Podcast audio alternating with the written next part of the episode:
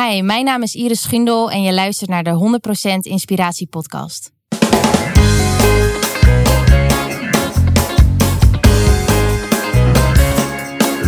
Hey, wat goed dat je luistert. Hij staat weer voor je klaar. Je wekelijkse dosis inspiratie is weer daar. De allerleukste gasten geven al hun kennis prijs. Met je veel te blije host, hij praat je bij. Zijn naam is Thijs. Thijs,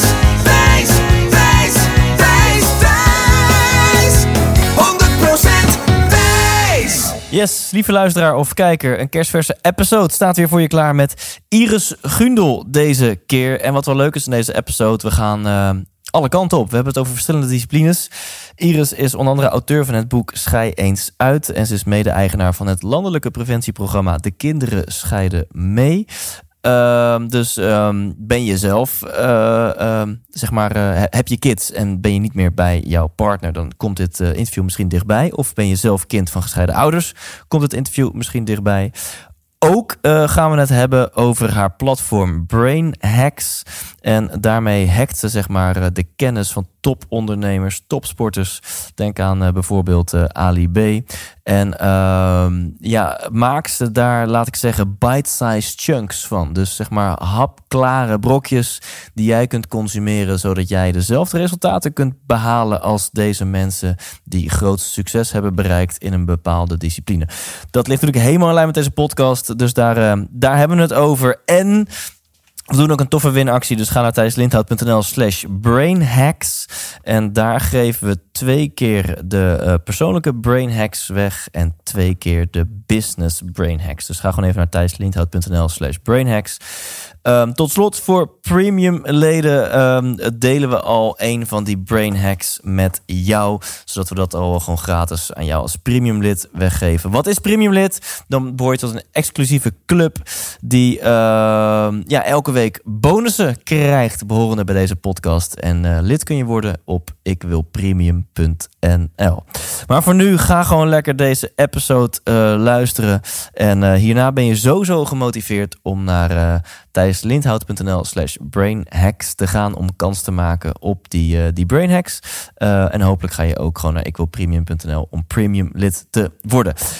Dus tot daar en geniet van Iris Gundel. 100% Nou, daar zitten we dan.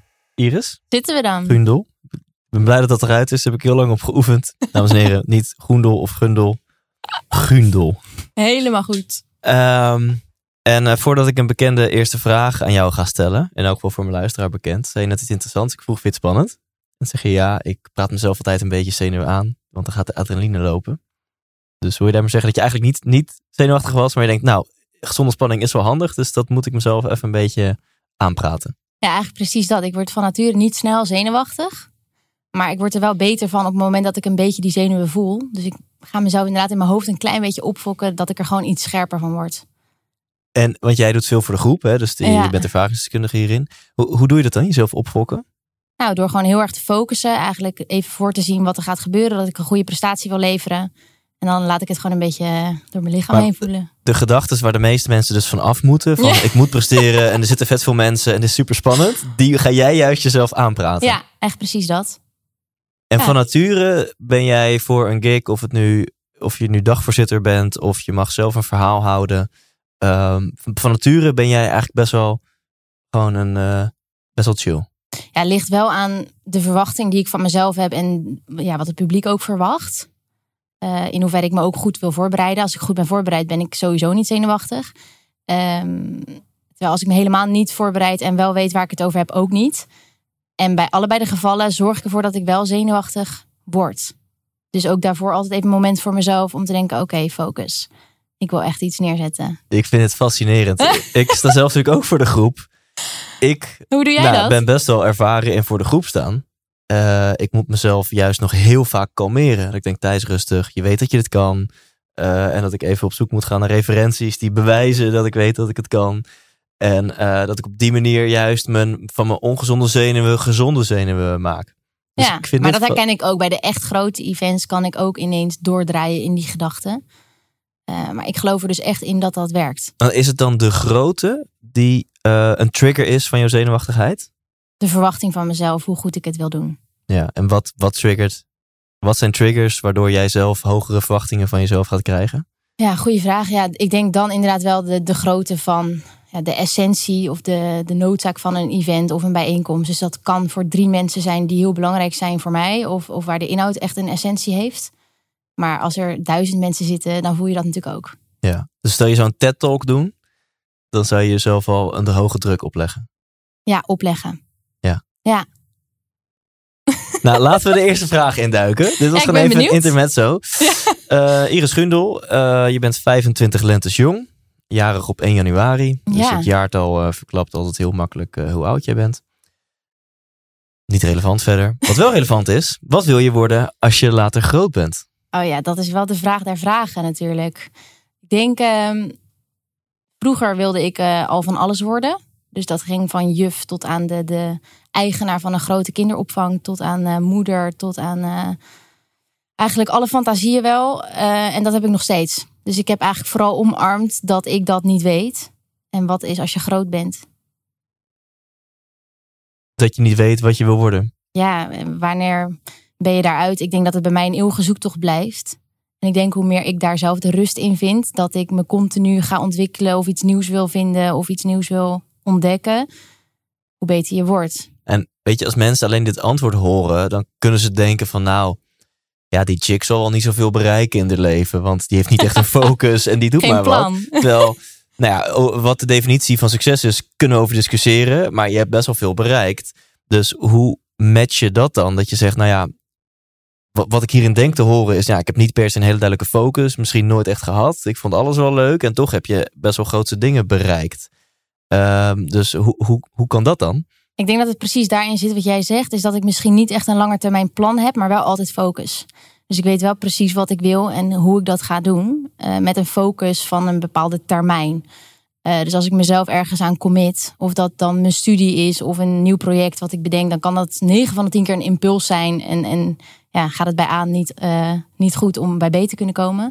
Maar als ik me echt commit, dan ga ik juist met volle focus ook echt voor wat ik mezelf, ja, wat ik wil bereiken. Ja, en jij doet superveel verschillende dingen. Gaan we dat denk ik gaan we allemaal aanstippen in dit gesprek. Ja, Waar ik altijd nieuwsgierig naar ben, is de algemene deler. Want het is allemaal Iris Gundel. Je neemt telkens jezelf mee. Of, Ja. je nu, of het nu gaat over het schrijven van je boek. Of het nu op het podium is. Je bedrijf Tech Movement of Brain Hacks. Nou, luister, daar gaan we het allemaal over hebben. Maar wat, wat is dan... Is er, dat is misschien de eerste vraag. Is er een bepaalde algemene deler die daar... Is er een bepaalde rode draad waar jij dus energie van krijgt? Ja, dat geloof ik wel. En die vind ik natuurlijk ook steeds meer. Ik denk dat de rode draad is, eh, je noemt inderdaad brain hacks, eh, eigenlijk het hacken van het brein van de persoon tegenover mij. En of dat dan de persoon is die een grote organisatie leidt, of een persoon in een team, eh, of iemand in de sport, of iemand in een familiesysteem, of iemand die je gewoon beter wil maken. Uiteindelijk is de rode draad bij mij dat ik vanuit oprechte nieuwsgierigheid op een bepaalde manier denk ik luister, wil luisteren en daarop ga doorvragen om vanuit daar ja, leuke dingen met elkaar te doen. En, en wat is dat, het hacken van iemands brein? Het echt willen begrijpen om wat je niet hoort. Dus heel veel mensen hebben natuurlijk hun verhaal klaar of, of eh, vertellen wat ze hebben gedaan of hoe ze bepaalde dingen zien of wat hun wereldbeeld is. Maar ik ben eigenlijk benieuwd naar alles daaromheen. Dus naar de persoon achter het succes en naar de zinnen die niet worden uitgesproken. Of naar wat die self-made miljonair nou doet als die wakker wordt. Daar ben ik benieuwd naar. En ik denk dat vanuit die ongeremde nieuwsgierigheid ik een bepaalde beweging kan creëren. Ehm, en de rode draad daarin is voor mij in ieder geval dat ik het altijd leuk wil hebben. Ik wil altijd leuke dingen doen. En ja, je, mag nog wat specifieker worden. Ik ben heel nieuwsgierig hoe dat dan... Bijvoorbeeld, je bent Pieter van de Hogeband. Laat gewoon het voorbeeld komen. Heb je tegenover je. Eh, die is ook in deze podcast geweest. Ik stel dan aan hem de vraag, wat zijn jouw succesfactoren? Heb je gewoon meer getraind dan je concurrenten? Of had je een betere techniek? Of heb je meer talent? Weet je wel? Ja. Hoe, hoe zou jij dat doen? Hoe zou jij dan, want jij formuleert het iets anders, het hacken van iemands brein. Eh, Pieter van Hoogmans tegenover jou, twee keer goud op het koningsnummer, heeft dus succes. Je wil zijn brein hacken. Wat, wat, waar ben jij dan nieuwsgierig naar? Nou, hoe hij er dus voor zorgt, welke keuzes hij maakt om iedere dag optimaal te kunnen presteren, bijvoorbeeld. Of wat hij doet als dat er even niet in zit. Eh, wat hij doet als persoon, los van zijn rol of zijn doel. Eh, wat, wat maakt dat hij eh, s s'avonds tevreden kan zijn of ontevreden is. die gedachten, die keuzes en die invulling in zijn alledaagse bestaan, daar ben ik benieuwd naar. Ja, dus je bent echt benieuwd naar de stemmetjes in zijn hoofd. Zo van oké, ik zie hier op papier dat je 40 uur per week traint in dat zwembad. Maar dat is niet zo boeiend. Dat kunnen we bij wijze van spreken aan. Maar wat, wat vertel jij jezelf dan als je opstaat? Bijvoorbeeld. Wat ja. vertel jij jezelf als je geen zin hebt om te gaan trainen? Wat vertel jij jezelf als. Bedoel je dat? Ja, bijvoorbeeld inderdaad. Of ga je naar je concurrentie kijken of doe je dat juist niet? Ja. Eh, wil je wat ze op social media over jou zeggen zien of juist niet? Eh, helpt het voor jou als een soort ritueel om 's ochtends bij het ontbijt eh, je moeder te facetimen? Of juist die dingen Hmm. van de persoon, daar ben ik benieuwd naar. En wat hier een beetje onder ligt, is een zin van Tony Robbins. eh, succes leaves clues. Hè? Dus dat je de, en de NLP, dat ken je ongetwijfeld ook. Ja. Neurolinguistisch programmeren. Voor de luisteraar voor het nieuw is. Die, die, nou, laten we zeggen, die stroming in de psychologie is er heel erg van overtuigd. Van als je gewoon dezelfde dingen doet die bepaalde andere mensen ook doen. Die succes hebben behaald. Dan zal je ook hetzelfde succes behalen. Dus ben, ben je daar, eh, geloof je daar heilig in? Eh, want je zou ook kunnen zeggen, nou ja, stel dat Pieter dus zegt, nou ja, ik moet elke ochtend met mijn moeder facetimen, want dat, om wat voor reden dan ook, ja, dan presteer ik die dag, weet je wel. Ja, dan kun je zeggen, oh, dat moet ik ook gaan doen, maar je kan ook zeggen, ja, dat is blijkbaar iets heel persoonlijks voor hem, weet je wel. Het is niet per se dat dat nou een brain hack is die voor andere mensen van toepassing is. Ja, dus het is heel interessant. Eh, een brain hack hoeft niet per se van toepassing te zijn op iemand anders. Dus het kan ook puur dienen als inspiratie. Dat je er in ieder geval bewust over nadenkt van wat werkt dan dus voor mij? Wat zijn bij mij belemmeringen? Of wat, wat werkt voor mij dat ik focus kan hebben op een dag? Of dat ik weet wat ik eigenlijk wil of welke doelen ik ja, eerst moet behalen om bij mijn droom te komen. Ja. Eh, dus het kan ook als inspiratie dienen in plaats van inderdaad NLP. eh, oh, als ik dat doe, dan heb ik hetzelfde talent. Er zijn natuurlijk allemaal verschillen tussen talent, gedrag Ja. en succes. Ja, een, een eh, verhaal wat Paul Smit mij vertelde over Bill Gates. Dat als, ehm, ik weet niet hoe ze het hebben onderzocht, maar als hij een jaar later was geboren, was hij gewoon een random ICT-nerd geweest. Zo van, en dan kan je zijn brein, brein nog honderd keer hacken, maar gewoon puur het jaartal waarin hij actief was, dat is gewoon eigenlijk eh, Allemaal invloed. do- eh, doorslaggevend geweest voor zijn Ja. succes. En anders hadden we nu een andere Bill Gates gehad. Ehm, maar ja, hier gaan we het zo meteen over hebben. Want je hebt een platform opgericht, Brain Hacks, waarmee Ja. je dit dus ook letterlijk doet. Waarbij mensen kunnen betalen en voor een test voor hunzelf. En een maand lang via Instagram kunnen genieten van Brain Hacks van allerlei eh, succesvolle en eh, bekende mensen. Ja. Toch? Klopt. Maar jij zegt, dit is de rode draad in alles wat ik doe. Iemand, ik heb die nieuwsgierigheid, ik ben die, die, die spons van informatie en ik wil echt de vraag achter de vraag eigenlijk weten. Ehm, wat zijn een aantal hele interessante brain hacks die jij dan hebt? Een aantal brain hacks die heel veel indruk op jou hebben gemaakt. Ja, ik denk dat ik iedere dag wel ergens een indruk uithaal. In die zin ehm, heb ik altijd wel focus wat voor gesprek het ook is. En wie je ook voor nieuws ontmoet, eh, levert dat altijd weer iets op waar ik weer over na ga denken. Of wat weer gelinkt is aan, of wat weer eh, aanzet tot. Eh, ja, wat echt indruk maakt zijn de sprekers in, in dit platform, dit programma Brain Hacks. eh, dat je van een Ali B hoort hoe hij zijn visie op ondernemerschap tot aan Maartje Pauwme, beste hockeyster ter wereld geweest. En wat vraagt dat van haar om je gedrag af te stemmen op je talent? Eh, ja, dat maakt indruk, iedere keer opnieuw. En misschien kunnen we jouw brain hacken. Want je, je- dit is een fascinerend beeld van de wereld, vind ik. Jij zegt, nou, hè, dagelijks maak jij brain hacks mee. Dus jij hebt een soort van Neo van de Matrix in je hoofd. dat je zo naar de wereld kijkt. En waarbij een normaal mens ja, zich niet bewust is van bepaalde dingen. Ben jij je heel bewust in elke ontmoeting, in elke ervaring. Heb ik het idee, als ik zo hoor praten, dat er wel een soort van, ja, iets, iets uit te leren valt, zeg maar. Klopt dat? Ja, het is niet dat ik echt overbewust inderdaad voor alles een soort cursus van mezelf doorloop. ik heb ook al een leuk leven. Ja. Eh, maar het is inderdaad wel dat ik echt geloof dat in gesprekken en in wat mensen zeggen, hoe mensen dingen zeggen, dat je daar zoveel meer uit kan halen. En die potentie daarvan, ja, dat, dat triggert mij gewoon al, ja, onbewust ook. En verbinding, hoorde ik je ook zeggen. Eh, je bent natuurlijk ook moderator, dagvoorzitter voor events. Dan mag je vaak mensen interviewen. Of pe- moet je dat wel eens doen? Paneldiscussies begeleiden? Ja, dat is dus mijn ding, hè? Ja, oh god. Ja, je hoort al aan mij natuurlijk. Nou, laat ik even... Voor nee, Thijs, het dus. gaat niet om jou. Deel mij jouw visie, visie op paneldiscussies. Lukt het jou om paneldiscussies leuk te maken voor de zaal? Ja, dat moet je aan het publiek vragen. Wat ik er zelf in ieder geval heel cool aan vind. En echt Ja. altijd de uitdaging is. eh, ik heb natuurlijk zelf heel veel gedebatteerd op de middelbare school. Eh, dat klinkt inderdaad, hoe jij nu noemt, oh, paneldiscussies. Dat is eigenlijk met debatteren natuurlijk ook best wel gek. Ja. Ehm, wat ik daar dus het super gave aan vind, is dat iedereen zo vanuit zijn eigen perspectief of overtuiging of drijfveren of eh, aan het woord is. En mensen eigenlijk heel vaak niet echt luisteren. Dus ze horen wat er wordt gezegd en ze Ja. luisteren, maar ze luisteren niet echt heel actief naar waar zit nou eigenlijk juist het gemeenschappelijk of het grote verschil. Ja. En om dat eruit te kunnen trekken, ja, dan dat is voor mij een uitdaging. Maar, maar lukt dat? Want mijn ervaring bij paneldiscussies is dat je dan een dagvoorzitter hebt. Die, ja, ik, eh, ik vind ding. dit gewoon even interessant. Dan heb je een dagvoorzitter die is zich helemaal in het zweet aan het werken om iets interessants uit die vier, vijf panelleden te halen. En wat doen die vier, vijf panelleden? Die blijven eigenlijk in hun vaste stramien met hele politieke, diplomatieke antwoorden. En er valt eigenlijk niks juicies uit te krijgen of een interessante discussie op gang te brengen. Dat is jouw ervaring. Dat is mijn. Nee, ja. Ja, nou ja. ja. Ja. Die van jou is anders? Eh, nou, het is, ik snap echt wat je zegt. Dus inderdaad, het ligt ook aan de inhoud van het event. Ik heb vaak, eh, denk ik, ook wel interessante sprekers, vind ik dan in ieder geval zelf.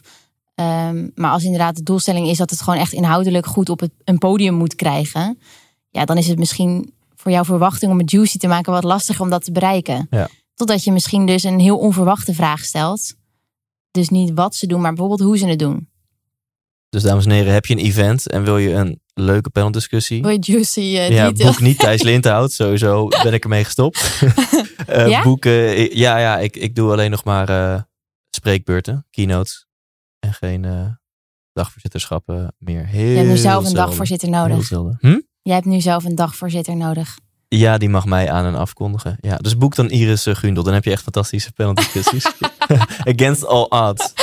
Nou, Ja, nee, maar mijn visie erop is altijd dat ik, ik heb het dus ook wel eens mogen doen als, als dagvoorzitter. En het is ook niet mijn zone of genius. Dus ik ben veel meer in mijn zone of genius. Als je zegt, Thijs, je hebt een uur de tijd. En na dat uur moeten mensen super geïnspireerd en energiek zijn. Eh, dan ben ik in mijn, in mijn zone of genius. Maar mijn ervaring is dat het ja, altijd, nou wat ik net zei, niet echt lekker op gang komt. En ik denk niet dat ooit iemand, maar dus misschien is dat mijn beperking, omdat ik het zelf niet zo goed kon begeleiden.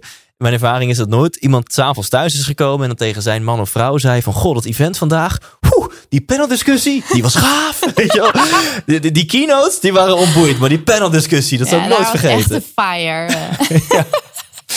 ja. Ja. Maar dat terzijde. Ehm, ik zet jou dus een keer in een paneldiscussie. Oh mijn god, ja. Dat. Als jij een keer ziet op een sheet dat ik een van de sprekers ben, dan ben jij degene die aan de opdrachtgever in gaat voorstellen. Nee, Oslo Thijs in het panel stoppen. Oké, daar kijken we nu al naar uit. Ja, gaat gebeuren. Alsjeblieft, laat dit binnenkort weer mogen. Ja, Event. Ehm, maar laten we wat persoonlijker worden. Want jij hebt in 2015 een boek geschreven. Schei eens uit. En Ja. dat gaat over scheidingen. Ehm, en dan moeten we eigenlijk nog iets verder terug in de tijd. Jouw ouders zijn gescheiden. Op welke leeftijd was dat? ik was toen acht jaar. Je was toen acht. Ja. En eigenlijk soort van per ongeluk ben je daar op hele jonge leeftijd over gaan praten. Eh, Kan je eens even vertellen, eh, kan je eens vertellen hoe dat is ontstaan? Ja, zeker. Ja, het klopt inderdaad per ongeluk. In die zin eh, waren de omstandigheden wel best handig. Want mijn moeder is een eigen scheidingspraktijk begonnen. Na dus de scheiding van mijn ouders. Ik wilde daar de eerste jaren natuurlijk niks mee te maken hebben. Ik vond het negatieve energie en gezeur. Eh, maar ze spraken daar ook de kinderen van het gezin. Juist omdat mijn ouders ook hadden ervaren dat het ook wel anders zou moeten kunnen. Ja. Ehm, door niet te vervallen in juridische strijd, maar dat het in overleg zou moeten kunnen. Ja. Eh, met eigenlijk alle betrokkenen bij een scheiding. Wat er meer zijn dan eh, twee ex-partners. Ja. En eigenlijk per ongeluk ben ik een keer de, de chocolademelk gaan brengen bij zo'n kindgesprek. Was toen nog een kantoor aan huis bij mijn moeder. En we raakten zo makkelijk in gesprek. Omdat het gewoon puur op herkenning eigenlijk van kind tot kind ging. Ik was iets ouder en eh, we konden eigenlijk samen tips bedenken die voor mij hadden gewerkt. Als mijn ouders ruzie hadden of als ik iets lastig vond. Of ehm, iets in mijn hoofd had gehaald wat misschien niet eens zo was. Waardoor we eigenlijk aan haar ouders ook heel makkelijk dat verhaal konden vertellen. Eh, waardoor ook ouders met dat kind weer dichter bij elkaar kwamen en elkaar beter gingen begrijpen. Toen dacht ik, wauw, door gewoon een beetje te kletsen, maar er wel echt te zijn, kan je dus al iets voor iemand betekenen. Ah. En toen ben ik me daarin gaan verdiepen. Dat die eh, setting, die scène waarin jij even chocomel kwam brengen. Ehm, daar is een soort van imprint ontstaan van wauw, alleen maar door te luisteren en door interesse te tonen, Ja. door verbinding, kan je al mensen echt helpen. Ja, met soms echt de kleinste dingen kan je het grootste verschil maken. Ja. En vanuit daar ben ik me daar verder in gaan, gaan verdiepen. Uh, inmiddels denk ik honderden kinderen gesproken binnen de scheiding van hun ouders. Puur en alleen ook om eigenlijk ja, preventief noemen we het vanuit ons programma. Dan heet de kinderen scheiden mee. is wel interessant. In Amerika is dat in bijna alle landen gewoon verplicht. Voordat ouders een scheiding in de rechtbank kunnen tekenen. En in Nederland zitten we nog, oeh ja, maar preventie is natuurlijk niet echt meetbaar. En komt gelukkig wel steeds meer aandacht voor kinderen in scheiding. Ja. En daar is dat bij mij begonnen van, ja, als we inderdaad vanuit oprechte interesse er zijn, met, met de kinderen praten en dat aan de ouders ja, heel laagdrempelig eigenlijk vertellen, dan kunnen zij ook kijken door de ogen van het kind. En dan kan je als gezin door na scheiding. Wat gaat er vaak fout in jouw ogen? Bij scheidingen en dan met name het feit dat nou ja, de kinderen niet echt als relevante variabelen worden meegenomen. Ja, nou ik zeg wel, in een vliegtuig is het ook help eerst jezelf dan de ander. Dus als je als ouders uit elkaar gaat, moet je heel erg veel regelen. Komt natuurlijk heel veel op je af. Dat is wat je ziet gebeuren. Dat is nog meer voor mij de noodzaak dat we daar dus externe specialisten of in ieder geval iemand van buitenaf bij nodig hebben om aandacht, iets extra aandacht te hebben voor bijvoorbeeld de positie van het kind. Maar daarbij ook uh, wel echt de specialisme om die scheiding van A tot Z goed te begeleiden. Het gaat mis op financiële strijd op uh, ineens wel inzicht in hoe ze uh, pensioen uh, hebben opgebouwd. Of hoe ze samen dat huis eigenlijk hebben ingericht en wie wat daarin. En als de emotie daar nog te veel op zit, hoe ga je dat dan met elkaar regelen? En hoe ga je dan ook Ja. nog daarna met elkaar ouders blijven? Ja. Dat is best een uitdaging. Dus daarin. Is dat dan stap 1 om die emotie, de angel eruit te halen? Ja. Bij de ouders nog eventjes. Hè? We hebben het nog even over help eerst jezelf. Ja, en dit is echt eh, vanuit dus eh ja, opleidingsinstituut dan van mijn moeder en mijn stiefvader. Die daarin echt van A tot Z dat bouwen. Ja. Dat eerst inderdaad de emotie eruit. Maar dat is Vervolgens- even één zinnetje. Maar dat is best eh, even de emotie eruit. Ik denk dat de angel eruit is, is misschien wel een traject van een jaar bij, bij veel stellen. Zeker, ja. En, en dat kan je niet zelf doen. Want je ziet niet altijd alles zelf. Je moet iemand neutraal kunnen begeleiden. Eh, waarom een relatie niet is gelukt. Dat moet door allebei worden begrepen en worden uitgesproken. Ik heb wel eens een verhaal gehoord. En volgens mij is het een soort van voorbeeld wat op eh, ja, eh, wat gewoon heel vaak voorkomt op, op andere manieren. Dat, dat zeg maar alles is gefixt met, met de spullen verdelen en met eh, juristen en financieel en alles. En dat dan uiteindelijk wordt het huis dan leeggehaald. En dat dan over een bepaald bestekbakje was dan nog niks afgesproken. Dat daar om een ruzie ontstaat. En die ruzie escaleert. En het hele juridische traject wordt weer opengetrokken. En het wordt toch een rechtszaak, weet je wel. Ja, en dat zien we vaker wel dan niet. En wat ik toen interessant vond van oké, prima, doe jullie ding. Maar dat dan vervolgens dat kind met dat bestekbakje het goed gaat maken. Of het mee gaat nemen en dan te horen krijgt wat ben je aan het doen. En dan in die loyaliteit komt, daar wilde ik mijn steentje aan bijdragen. Ja. Dat daar in ieder geval maatschappelijk bewustwording of het gesprek over werd gevoerd. Van hoe kunnen we dat anders doen? Ja, dus één wat er fout gaat, is dat vaak de angel er niet uit wordt gehaald, waardoor het vechtscheidingen worden. Als de emotie eruit is, dan kan je de Ja. scheiding, de praktische kant van scheiding in harmonie uitvoeren. Ja. Ja? Ja, het is een gewaagde uitspraak, maar het klopt denk ik in de kern wel. Als het goed wordt begeleid bij het begin, Ja. waarom het niet is gelukt, dat die emotie goed wordt begeleid. Je elkaar in ieder geval kan vinden, zeker als je ouders bent. Dat je niet alleen ex-partners wordt, maar ook wel op een andere manier ouders blijft. Daar zit de, de clue En waar komt het kind dan bij kijken, wat jou betreft? in zo'n proces. Ja. Het begint natuurlijk dat ouders het aan het kind gaan vertellen. Dat ze de beslissing hebben genomen uit elkaar te gaan. Daar start voor het kind het, het rouwproces. Dat noemen we dus ook proces niet verwerking. Omdat dat je hele leven lang terug gaat blijven komen. Eh, Want het is jouw fundament, je gezin. Eh, dus als het eh, over tien jaar met kerst weer wordt opgehaald... dan ga je weer natuurlijk in dat gedoe. Dus we zeggen altijd als gescheiden kind heb je eigenlijk levenslang. Ehm, en daarin is het denk ik voor het kind het belangrijkste... dat het vooral eigenlijk aan het begin van dat hele proces... iemand van buitenaf meekijkt. En misschien al alleen met de vraag, hoe is het met jou? Daar geloof ik in. Ik denk dat dit al zo relevant is voor heel veel kindjes, dat ze dat... Misschien wordt die vraag letterlijk wel eens gesteld, maar dat ze hem nooit voelen. In zo'n heel proces wat lang kan duren. Ja, Dat ze te weinig voelen. Hé maar Sofietje, hé maar Jantje, hoe is het nu met jou? ja. Dat iemand je echt ziet. Ja. En dat wat, ja, de kleinste dingen maken soms het grootste verschil. Wat voor impact heeft toen jij acht was op jou gemaakt dat jouw ouders uit elkaar gingen? Ja, veel, omdat eh, heel veel veranderde. Het eh, voordeel, denk ik, was dat mijn ouders het heel duidelijk als ouders hebben geregeld. dus naar ons toe, mijn, mij en mijn jongere broertje, heel duidelijk hebben gecommuniceerd wat er ging veranderen, hoe dat ging plaatsvinden, hoe we ze allebei gingen zien en contact konden hebben. Uh, maar ik ging wel verhuizen en naar een andere school en uh, met nieuwe partners. En dus alles is een keer langs geweest. En dat maakt natuurlijk impact in die zin dat ja, je, je kerngezin valt uit elkaar. En je ziet je ouders dat doorlopen. En een jonger broertje dat doorlopen. Uh, wat het me wel echt heeft gebracht. En toen ook al was dat ik mijn ouders toen pas eigenlijk echt leerde kennen, individueel. Dus ze veranderen natuurlijk. Mensen gaan denk niet voor niks uit elkaar. Mhm. Maar daardoor heb ik wel heel individueel met allebei mijn ouders echt een band kunnen opbouwen. Want je gaat dus of naar je vader of naar je moeder. Ja. En heb jij het gemist in die periode dat tegen jou werd gezegd: hey Iris, hoe is het nu met jou? Ik heb het in eerste instantie niet gemist, omdat ik niet wist wat ik dan kon missen.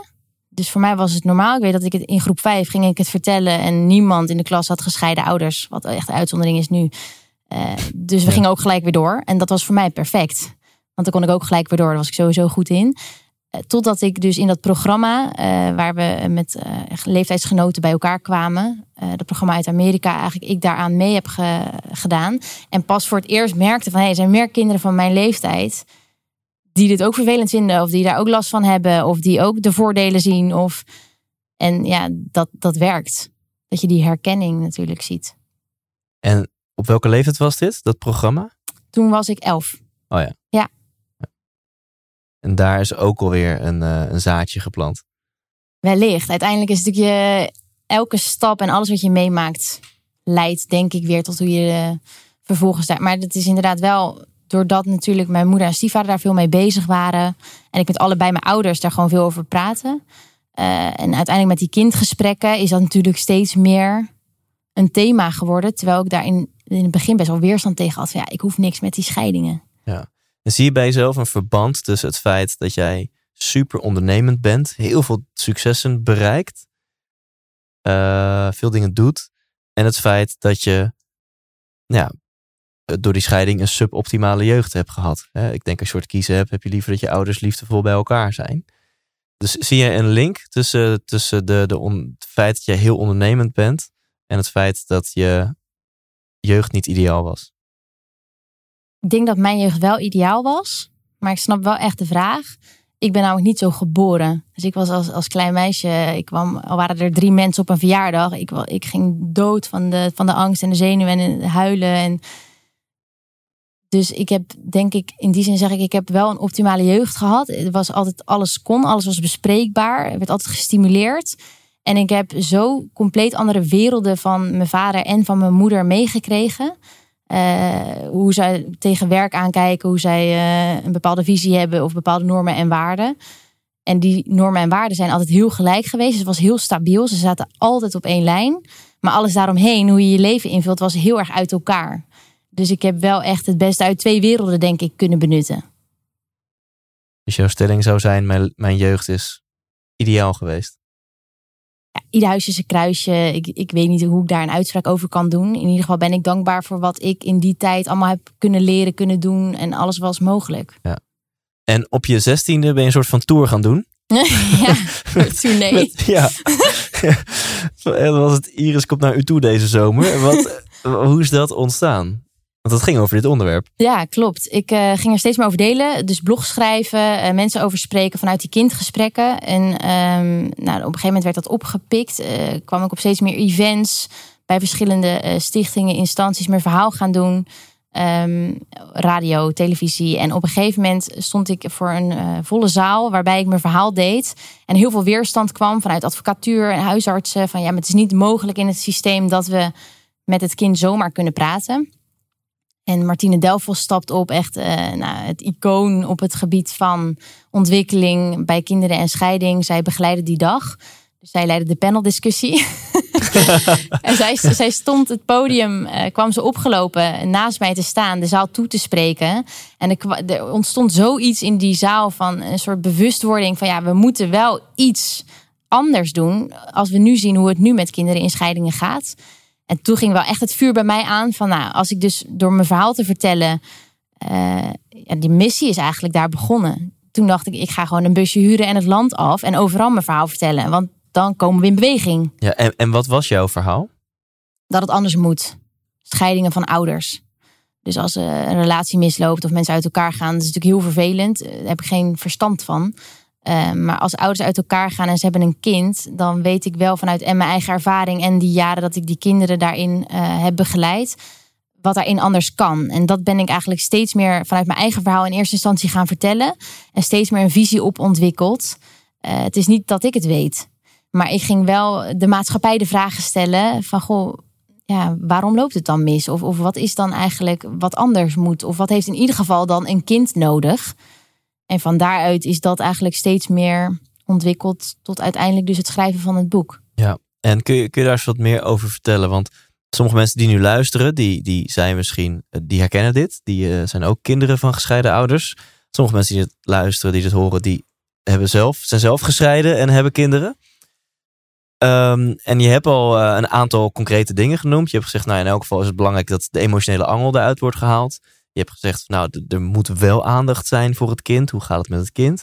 Maar kun je nog even iets meer concrete tools dus meegeven voor mensen die nu luisteren en die het meemaken, of als kind of als ouder, eh, zodat je ze echt wat, wat mee kan geven om daar eh, beter mee om te gaan.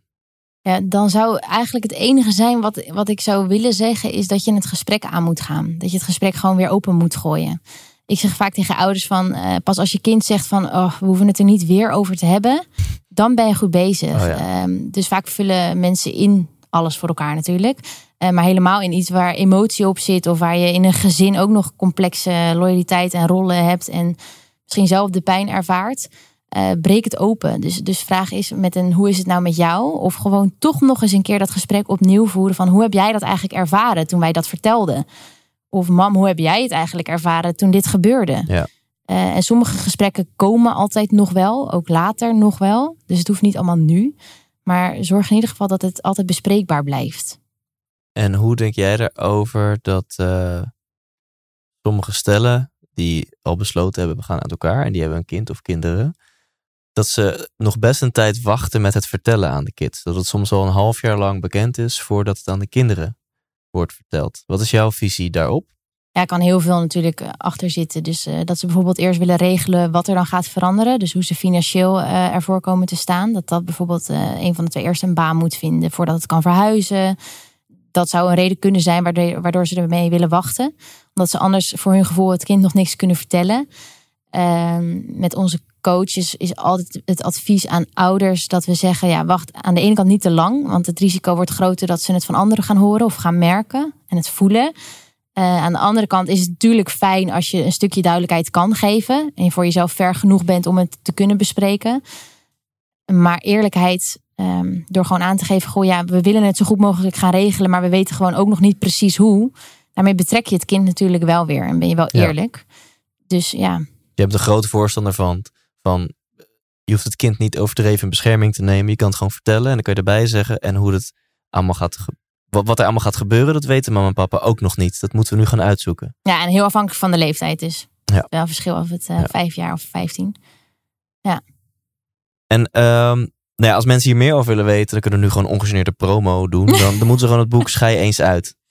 Ja, er staan Eh, alle tips kopen. en eh, handvatten in. Ja. Nou, en vooral daarin heb ik vooral ervaringsdeskundigen geïnterviewd. Dus wat ik zeg, ik, ik weet het ook niet. Dus ik ga ook daar weer vanuit nieuwsgierigheid het land in. Ja. Door eh, iemand die ik een eh, interessante relatietherapeut vind, alles te vragen. En iemand die ik eh, een gave rol vind hebben binnen de jeugdzorg, die ga ik alles vragen. Iemand die 50 jaar is en het er nooit meer met haar ouders over heeft gehad. Die ga ik vragen hoe dat dan invloed heeft op als je dadelijk dan zelf een gezin hebt of zelf relaties aangaat. Wat is dan de impact? Dus ik ben gewoon alles gaan vragen en dat staat allemaal in dat boek. En voordat je gaat scheiden, zit er natuurlijk nog een heel hoofdstuk voor. Dan werkt blijkbaar de relatie, de liefde werkt niet. Heb jij voor jezelf zoiets van, nou, gaat mij niet gebeuren. Ik eh, ga nou, niet... ik eh, denk, ja? ik, ik hou me veel bezig met de nieuwe generatie. Ik denk dat er sowieso best wel een verschuiving is in hoe mensen relaties aangaan. Dus ik denk dat mensen sowieso iets bewuster met elkaar bekijken hoe of wat het werkt, waarom het past. Eh, meer, weten dat ze, ja, meer weten dat ze meer moeten bespreken. ja? ehm, is niet de sleutel tot succes. Soms groei je natuurlijk ook uit elkaar. Ja. Ik heb nu voor mijn nieuwe boek weer die relatietherapeut geïnterviewd. En soms werkt het ook niet.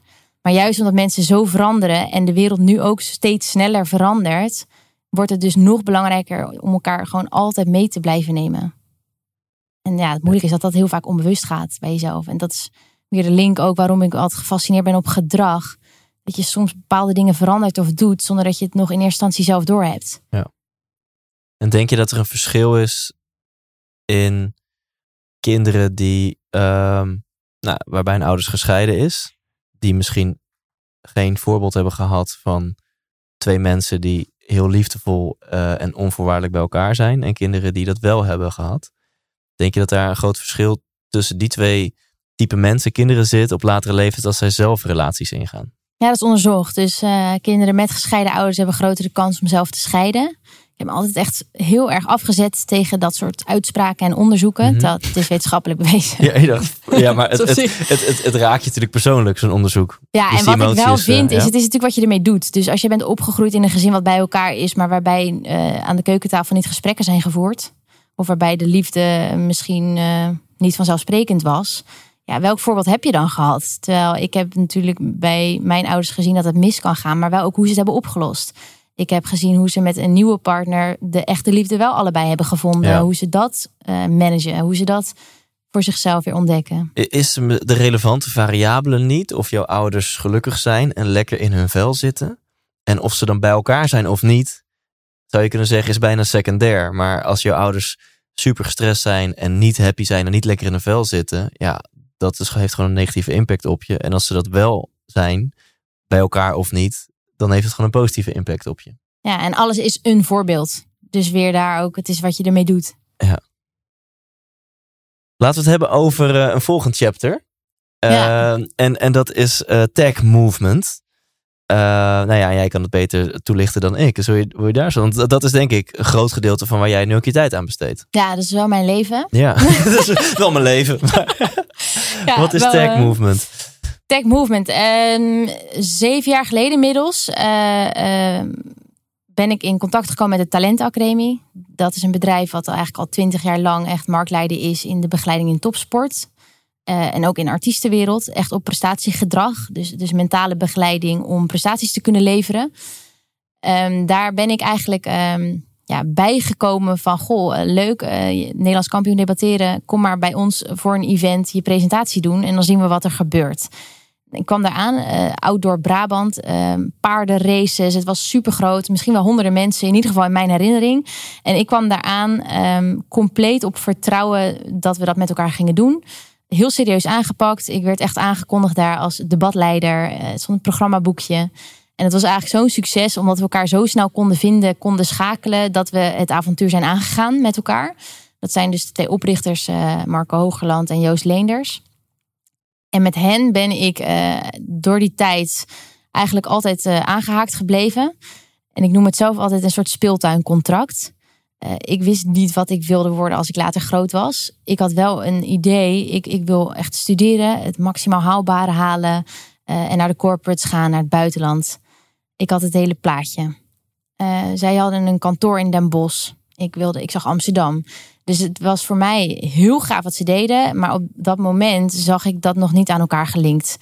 Ehm, in het speeltuincontract volledig vrijgelaten. En altijd de leukste kansen gekregen om gewoon te kunnen proberen. Ja. Dus eh, echt opgeleid, meegenomen. eh, ga het maar eens doen. Ga dit maar eens doen. Wat vind je ervan? Hoe kan je het volgende keer beter doen? En soms gewoon één dag in de maand als ik druk was met studie. Ik ben gaan studeren. Ehm, ben eh, stages gaan lopen. Ik had nog steeds de ambitie. Ik eh, ga naar die grote corporates. Eh, uiteindelijk met mijn master ook daar gaan afstuderen. Ik was gewoon benieuwd. Ik vind er van alles van, maar ik weet helemaal eigenlijk niet hoe het werkt. Dus ik heb daar zeven maanden gewerkt, rondgelopen, alles gezien, ontdekt. En ik miste eigenlijk dat speeltuincontract. Dus als ik er nu aan terugdenk, maakte ik dat daar misschien ook wel. Want voor mijn afstuderen ging ik daar ook met een app van alles meten en in beweging zetten. Eh, en Marco en Joost kwamen op dat moment van ja, ga het maar doen. Ga maar op onderzoek uit als je niet weet wat je wil. Ehm, en eigenlijk wist ik best wel goed wat ik wilde. Maar ik was wel heel jong. En hoe kon ik nou dan ja, die springplank, dat is voor mij altijd het moment geweest dat ik zei tegen hen: ja, ik wil wel een hoge springplank. Nu ben ik nog jong, nu kan ik nog alles doen. Als ik naar het buitenland ga, moet ik het nu doen. En ik legde mezelf het allemaal op. Eh, zonder dat ik er echt last van had, want ik vond het vooral heel leuk. Totdat zij de vraag stelde: het ligt er maar aan waar je naartoe wil springen. En toen kwamen zij met het aanbod: moeten wij niet met z'n drieën een eigen start-up beginnen naast de Talentenacademie? Toen kwam voor mij alles samen. En toen dacht je, dat gaan we sowieso doen. En dat gaan we Tech Movement noemen. Ja, toen dacht ik, uh, gaan we het doen. Heel veel gesprekken natuurlijk over gevoerd, maar wel inderdaad op gewoon doen. Uh, dat is Tech Movement, inderdaad van Talent Academy Group. En dan het echt in beweging zetten van organisaties, teams. Uh, om echt vanuit cultuur een bepaalde omgeving te bouwen dat talent kan worden benut. En dat dus weer vanuit die brain hacks. En uh, of dat nou op een familiesysteem dus is of in een organisatie. Mensen in verbinding, in beweging zetten. Zodat het beter, leuker wordt. En daar zijn we anderhalf jaar geleden mee gestart. En dat is gewoon een, een soort gouden recept geworden. Ja, en, en, nu ga je heel snel. Wat volgens op de website staat is, en ik vroeg net ook aan jou, wat is dat? Van uh, Tech Movement, waar dat uh, voor staat of waar het over gaat, is de, de maakbaarheid van een prestatieomgeving. Ja. Kan je dat eens toelichten, wat je daarmee bedoelt? Ik vind maakbaarheid sowieso een mooi woord. Dus veel dingen zijn natuurlijk maakbaar, heel veel dingen zijn niet maakbaar. Uh, ik geloof dus dat een prestatieomgeving maakbaar is. Dus in die zin, uh, je kan een talent hebben, je kan ergens heel goed in zijn, je kan ergens heel blij van worden. Maar ik ben ervan overtuigd, uh, ook wel linkje met bijvoorbeeld opgroeien met gescheiden ouders. Als jouw omgeving op een bepaalde manier ingericht is, dat het wel of niet tot uiting kan komen. En in de topsport, uh, artiestenwereld, is het best wel vanzelfsprekend, of in ieder geval normaler, dat je de juiste mensen om je heen hebt en een high performance team om talent centraal te kunnen zetten. En in veel organisaties zie je dat nog niet. Dat vind ik heel gaaf om met elkaar te kijken op echt dus organisatiecultuur, op generatieverschillen, op gedrag. Hoe je daarin eigenlijk de next step kan maken. Ja, dus bij de topsport vinden we het heel normaal dat je daar allemaal disciplines omheen bouwt. Qua voeding, qua techniek, qua whatever, coaching. En in organisaties worden vaak ook topprestaties verwacht. En vinden we dat nog, is dat eigenlijk nog niet de gebruikelijke mindset?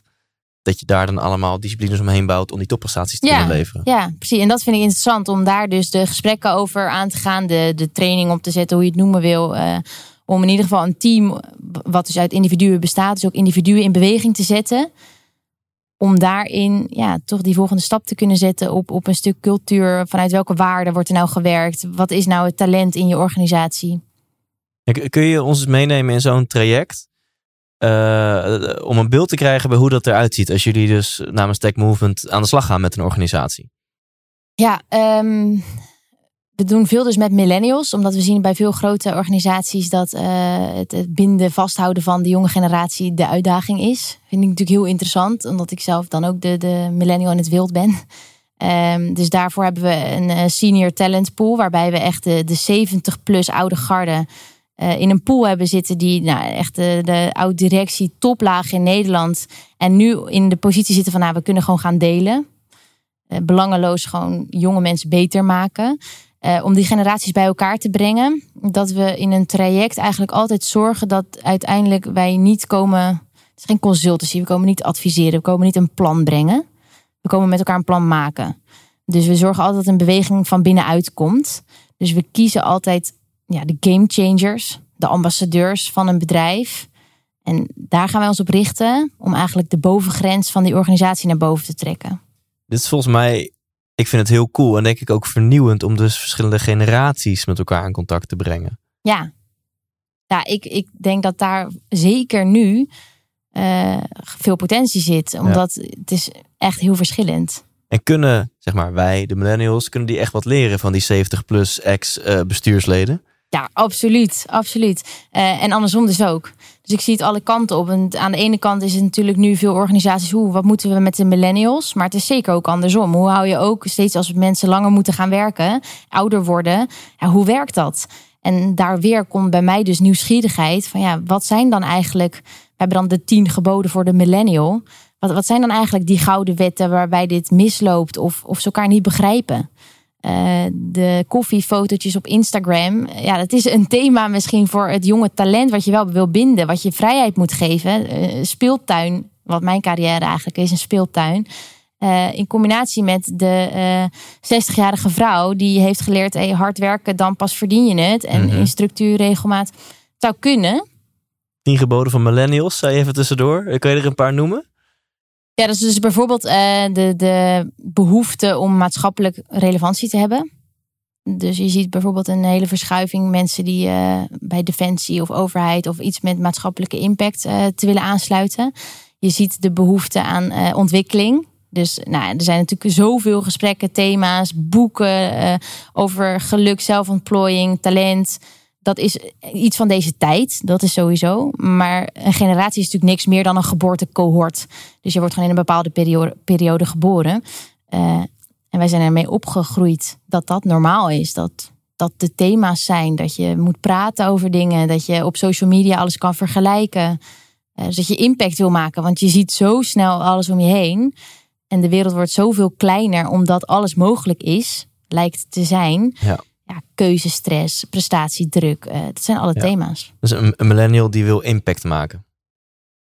Ja, ja, toch? Ja, zeggen we dan vanuit de onderzoeken. Kijk, er zijn, eh, je kan hier vijf millennials naast elkaar. Zijn compleet verschillend. en de een hoeft het totaal niet. Dus met dat soort opmerkingen ben ik altijd maar voorzichtig. Ja. Uh, maar als je naar de rode draad van de generatie kijkt, zie je wel door de tijd waarin we zijn opgegroeid, dat je impact wil maken. Ja. En, en wat is een van de meest waanzinnige brain hacks die je hebt geleerd van die 70 plus ex-bestuursleden? Um, dat je heel veel vlieguren moet maken. Uh, dat je de juiste mensen moet kennen om je heen moet hebben. Het geduld moet durven hebben. Um, en dat is dan die 70 plus, maar dat is natuurlijk van alle generaties kan je daarin iets leren. Maar als je uh, die mannen hoort praten met elkaar over de ervaring, over, dan is het in een andere tijd. Maar de context is vaak hetzelfde. En uh, dat is natuurlijk heel interessant. Dus het, het, uh, wij hebben als een van de waarden in de hele talentacademie groep ook rustig dribbelen. Oh ja. Dus het geduld durven hebben ja. en ook op je plaats durven blijven. Ja, en de geduld hoor ik hier dus heel erg in. Dat we, we willen allemaal denk ik te snel alles meteen nu veranderen. Ja. Als je op je dertigste niet miljonair bent en dat allemaal overal kan laten zien, dan is dat ergens... Heb je gefaald. Eigenlijk, je hebt nog vijf jaar. en toch, de aantal burn-outs, depressies uh, is nog nooit zo hoog geweest op jonge leeftijd als nu. Ja. Dus er is wel echt iets aan de hand. Ja, waar komt dat door, denk je? Ja, dus die thema's die we net denk ik bespreken, prestatiedruk, alles draait om uh, ultiem presteren ja. en het eruit willen halen wat erin zit. En, uh... Ja, ik denk dat deze corona-quarantaineperiode, behalve dat het uh, de aarde, het klimaat er heel blij mee is, denk ik ook dat het de grootste burn-out preventie in, in tijden is. Omdat de meeste mensen ervaren nu minder werkdruk dan ze voor corona ervaarden. Ja, en de vraag is waar een burn-out uit ontstaat dan natuurlijk. Een hele interessante vraag. Ja. Wat is jouw visie daarop? Ik ben daar helemaal geen expert in. Ik zie wel um, dat er natuurlijk op meerdere fronten in je leven dan iets mis of te veel loopt. Ja. ja. Dus is altijd uh, samenhang van omstandigheden, het overzicht verliezen. Uh, iets wat groots gebeurt op meerdere fronten. Ja. Ik denk als je het helemaal plat slaat, dan uh, in het leven doe je activiteiten waarbij je energie krijgt. En je doet ook activiteiten waarbij er energie lekt, energie uit je gaat. En uh, als je structureel meer activiteiten doet waarbij de energie uit je lekt, dan ga je op je reserves lopen. En als je dat een paar jaar doet, zijn je reserves op. En dan zeg je lichaam een keer, nu ben ik klaar, ben ik op en heb je een burn-out. Ja. Maar dat er energie uit je lekt, dat kan komen door de kwantiteit van je werk. Maar er zijn ook mensen die werken 100 uur per week en die hebben 0% kans op burn-out. Ja. Er zijn mensen die werken toch 20 uur per ja, dan, week. Ja. En op de een of andere manier, misschien omdat het werk wat ze doen zo erg niet bij hen past. Of omdat op andere niveaus in hun leven ze niet lekker in de vel zitten, krijgen ze een burn-out terwijl ze parttime werken. Ja, je loopt gewoon jezelf voorbij. Ja. Ja, ik denk precies wat je beschrijft, dat het dan ergens zo geen match is of geen Ja. fit is. Dus ga op zoek naar die energieleks. Ja, Zou ik dan. eh, nou, vooral waar je energie van krijgt, die moet je vinden. Nou ja, misschien is voor sommige mensen het elimineren van energielekken wel een snellere fix dan het toevoegen van energiegevende activiteiten.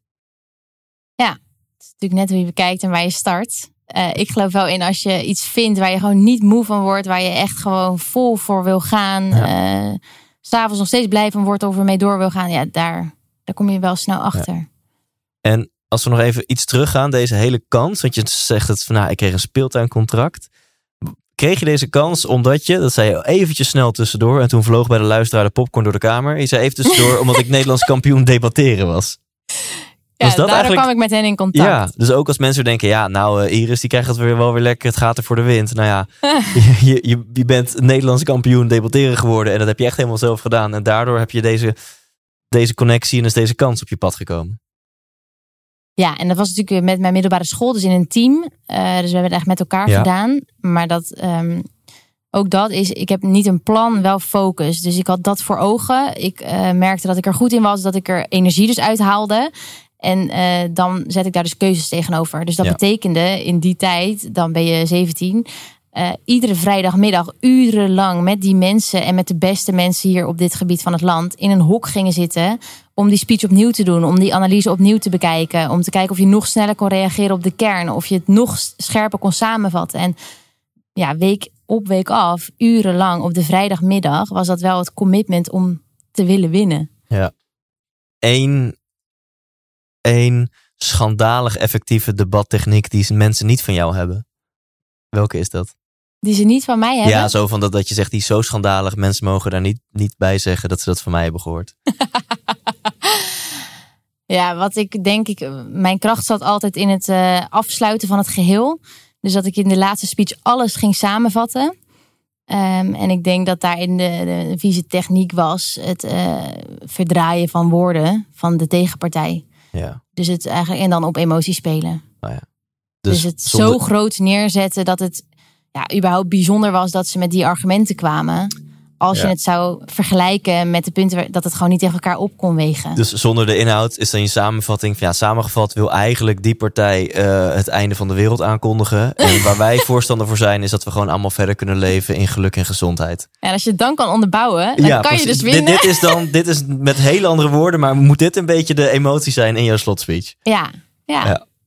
Ja. dat is wel, eh, ja, als ik nu aan terugging, waren het wel echt leuke tijden. Om eh, op die manier echt, ja, daar heb ik denk ik echt wel getraind hoe je kan luisteren. Ja. En dus bij de kern komt. Weet je, je, bent ook, je hebt ook contact gehad met Sharon Kroes. Die komt binnenkort ook in deze podcast. Dat is Ja. ook leuk.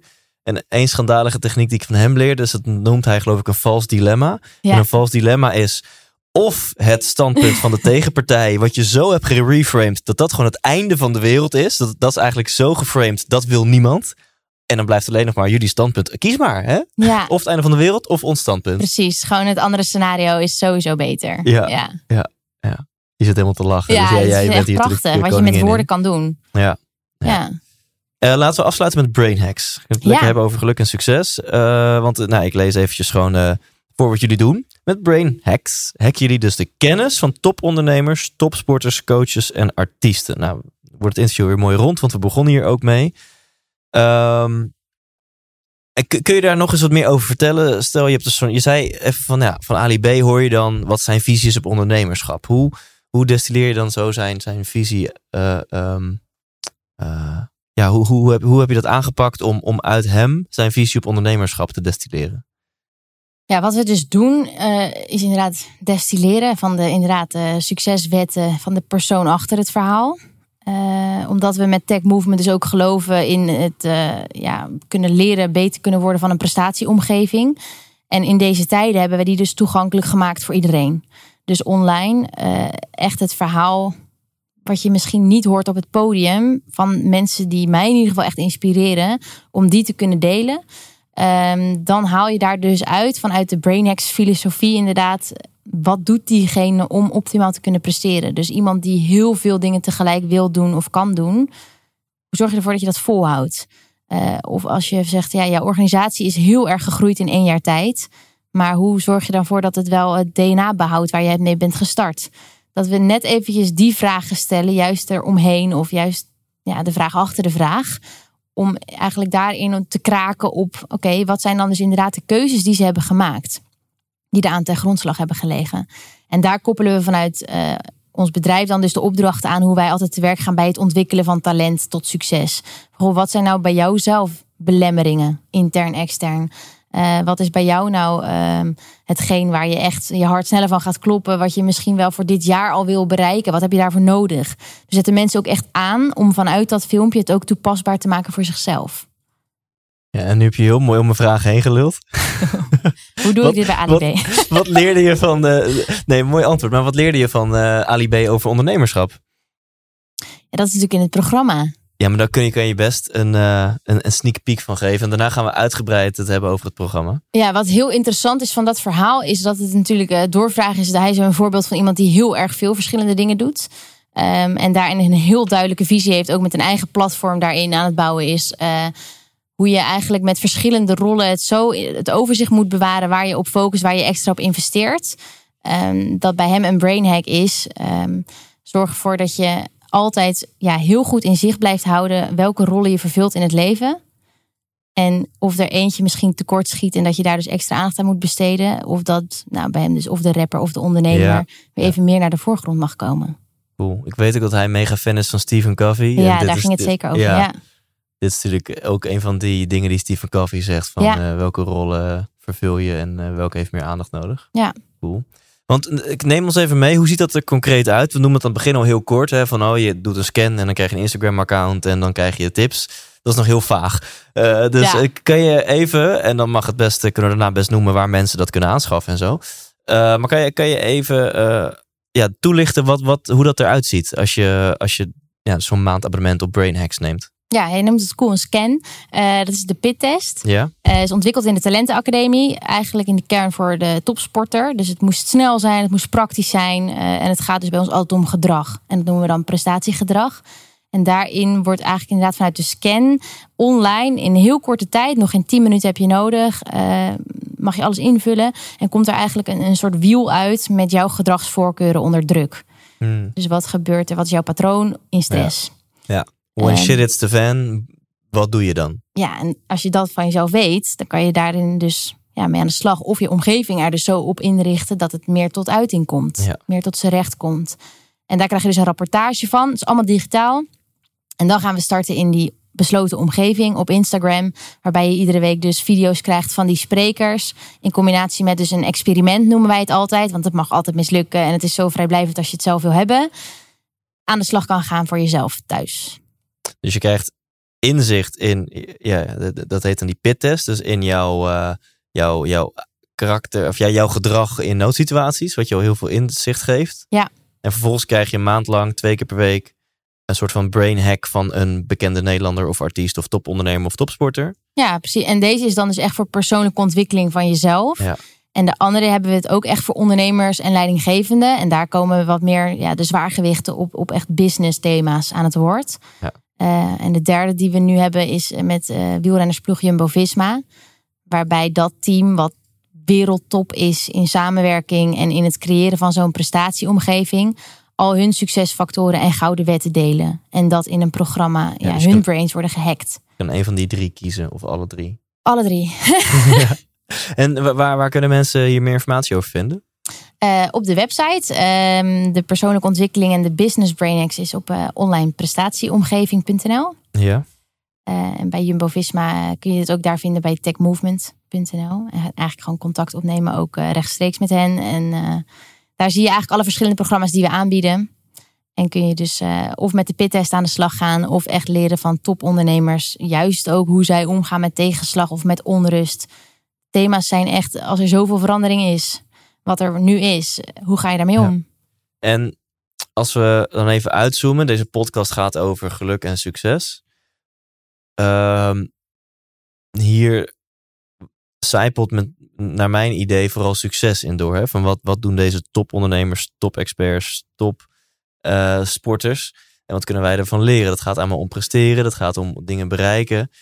Ehm, maar ja, wil dat zeggen dat je daar per se gelukkiger van wordt? Om, om die brain hacks van dat soort mensen te pikken en toe te passen op je eigen leven? Ja, heel goede vraag. Die hoor natuurlijk ook vaker. Ook mensen die zeggen, ja, dit is dan alleen voor mensen met talent. Sowieso zeggen we, iedereen heeft een talent. En het is alleen al cool als je die durft te gaan vinden voor jezelf. Eh, ik vind het helemaal eens wat je zegt. Ja, moeten we altijd het succes en de topfalen en die prestaties en meer en beter willen horen. En dat hoeft ook niet iedereen. Ik denk dat al is het één zin wat je uit iemand anders verhaal kan halen. Wat je weer net even inspireert of net in actie zet. Dat je daar altijd beter van kan worden. En dat je eh, niet ziek hoeft te zijn om beter te worden. In die zin, eh, we vragen juist in die brain hacks bij die mensen van goh, als het bij jou dan minder gaat, wat doe jij dan? Of nu jouw hele omzet is verdampt, wat doe jij dan? Hoe denk jij? Hoe sta Ja. jij in het leven? En ik denk dat dat dus neerkomt op verbinding en dat je van iedereen iets kan leren. En wat vind jij persoonlijk de meest inspirerende mensen? Ter wereld? Ja. Uh, ik vind Michelle Obama inspirerend. Uh, ik, uh, ik vind heel veel mensen inspirerend. Ik vind sowieso alle sprekers in de BrainX serieuze inspiratiebron.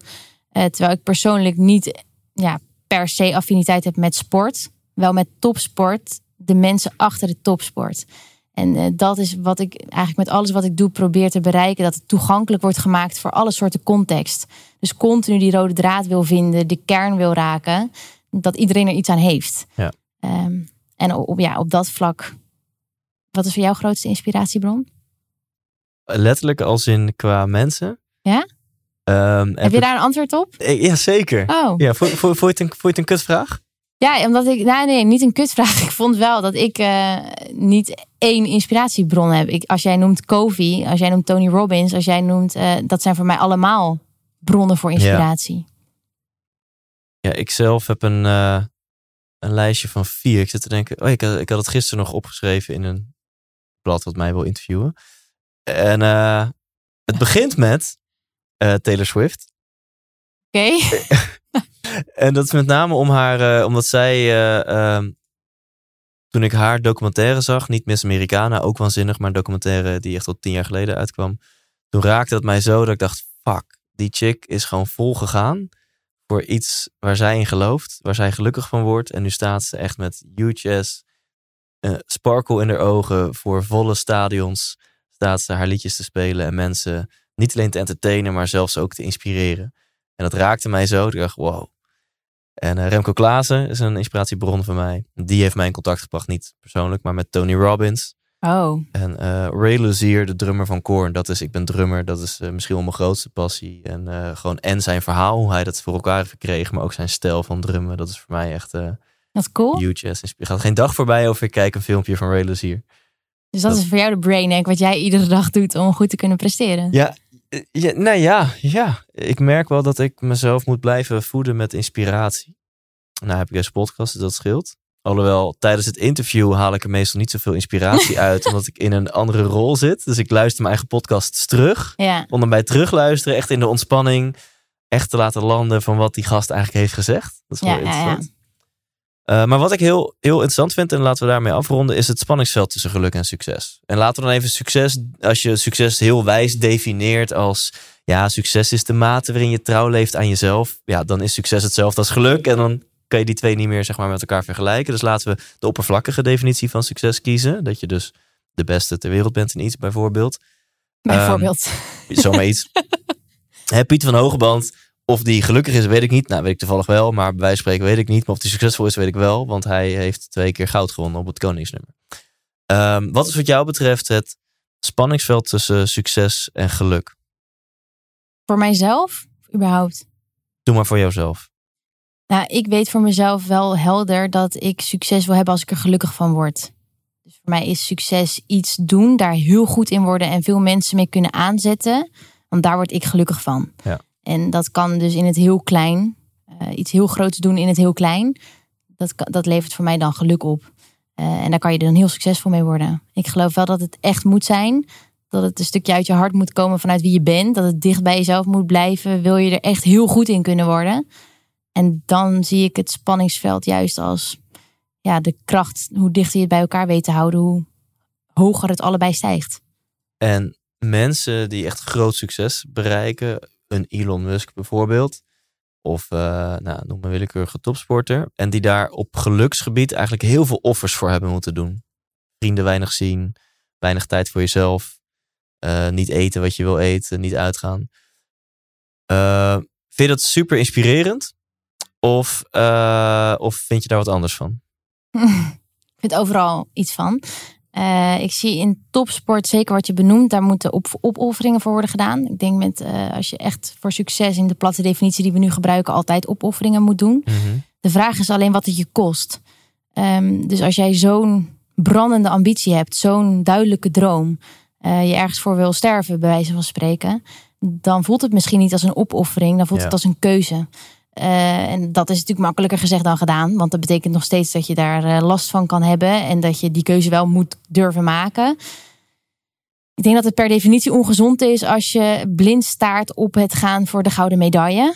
Ehm, maar het is wel een keuze als dat dus goed begeleid wordt, dat je dat mentaal aan kan, dat je gedrag daarin in lijn mee is, dat je de juiste mensen om je heen hebt. Je hebt altijd succesambassadeurs nodig, denk ik. Ehm, dan denk ik dat, ehm, ja, dat zeker in topsport, maar eigenlijk op alle fronten van echt naar de absolute top gaan. Ja, dat dat. Ja, je zou bijna kunnen zeggen dat het leven een heel ander spelletje wordt. Voor de meeste mensen is het leven misschien een spelletje van heel erg in balans leven. Van hey, kan ik goed zorgen voor mezelf en mijn vrienden en, uh, en mijn werk is ook een onderdeel ervan. En voor mensen, bijvoorbeeld voor Elon Musk is het spelletje. Die gast heeft zingeving level 10 miljoen. Hij is de wereld letterlijk aan het veranderen. Dat is waarvoor hij elke dag wakker wordt. Ja. En wat hij elke dag doet. En dat hij dan misschien iets minder goed voor zichzelf zorgt, is denk ik totaal geen relevante variabele. Ja. Uh, en voor topsporters, die halen misschien ook op een bepaalde manier zingeving. Of zeker ook andere topondernemers uit, uit het leveren van een bepaalde prestatie, het leven van een bepaalde missie. En iedereen heeft ook iets anders nodig. Dus we noemen dan balans. En we noemen, ja, die zorgt minder goed voor zichzelf. Maar is natuurlijk voor iedereen verschillend wat je nodig hebt en wat balans is die Ja. bij je past. Ja. Dus als wij een, een topondernemer brain hacken, dan zegt hij ja, op gezondheid heb ik daarin moeten inleveren. En op eh, tijd met mijn kinderen heb ik misschien moeten inleveren. Maar ook dat zijn dan keuzes. Eh, Ja, daarom vanuit die rollen wat ik net ook beschreef. eh, al die brain hacks bij elkaar is de rode draad, denk ik, dat je daarin heel goed naar jezelf moet blijven kijken en luisteren, kritisch blijft, het opnieuw gaat ontdekken en jezelf ook opnieuw durft uit te vinden. Wat is dan balans? Mooi. Volgens mij moeten we gaan afronden. Heb je, en dit is een hele brede vraag, en dat kan je aan, heb je tot slot aan de luisteraar nog een laatste boodschap, wijsheid of inzicht voordat we gaan afronden? Wat ik laatst interessant vond, ehm, is dat, dat ik zeker bij die nieuwe generatie jonge talenten vaak zie dat mensen heel erg op zoek zijn. Zeker naar zo'n verhaal ook misschien van, oh, allemaal mensen met succes. Of ja, wat is dan succes? Ehm, dat ze op zoek zijn naar bepaalde doelen, eh, een carrière, echt vinden wat echt je passie is. En dat ik daar altijd wel belangrijk vind om de disclaimer bij te zetten dat het voor mij in ieder geval heel goed heeft gewerkt. Dat ik niet een carrièreplan heb. Geen idee wat ik wil worden als ik later groot ben. Uh, wat ik wel weet is wat mijn persoonlijke missie is. En dat is om iets bij te dragen aan ouderschap. Voor kinderen in scheiding, dat ouderschap altijd blijft. Uh, daarom ben ik daar nu mijn nieuwe boek over aan het schrijven. En mijn zakelijke missie, wat ik doe binnen de Talentenacademie groep met Tech Movement, met de Brain Hacks. Um, dat alle keuzes die ik maak altijd op de waarden die ik heb als persoon in ieder geval moeten kloppen. Maar ook altijd langs de missie moeten liggen. En dat het dus niet is omdat ik op een bepaalde carrière, positie, functie, status of succes wil komen. Maar omdat het in lijn is met het verhaal van mijn missie. Dus wil jouw, jouw kernwaarde, jouw missie leven. Uh, en dat is jouw focus. Ja. En welk carrièrepad erbij hoort, dat kunnen er heel veel zijn. Ja. Daar ben je niet zo mee bezig. Precies. Thanks. Ja, leuk. Box, Airbox.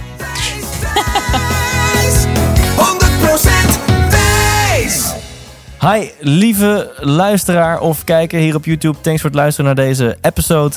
Uh, als je het nog niet hebt gedaan, ga gewoon even naar thijslindhout.nl slash brainhacks. Want daar uh, staan uh, twee keer de persoonlijke brainhacks en twee keer de business brainhacks voor jou klaar. Gewoon helemaal gratis en voor niets geven we gewoon aan jou weg. Ehm, en... Wil je premium lid worden, dan nodig ik je uit om te gaan naar ikwilpremium.nl. En dan uh, kun je genieten van de extra content van deze episode, maar überhaupt de extra content van al ruim een half jaar. Uh, dus word lid. Het is een maandelijks lidmaatschap, maar als je lid wordt op ikwilpremium.nl krijg je meteen toegang tot al deze extra content. Dus kun je geen genoeg krijgen van deze wekelijkse podcast en wil je meer inspiratie, dan is het premium platform iets voor jou via ikwilpremium.nl. Iris, bedankt voor jouw tijd en voor je inspiratie. Jij bedankt voor het luisteren of kijken. Tot volgende week. Leef intens.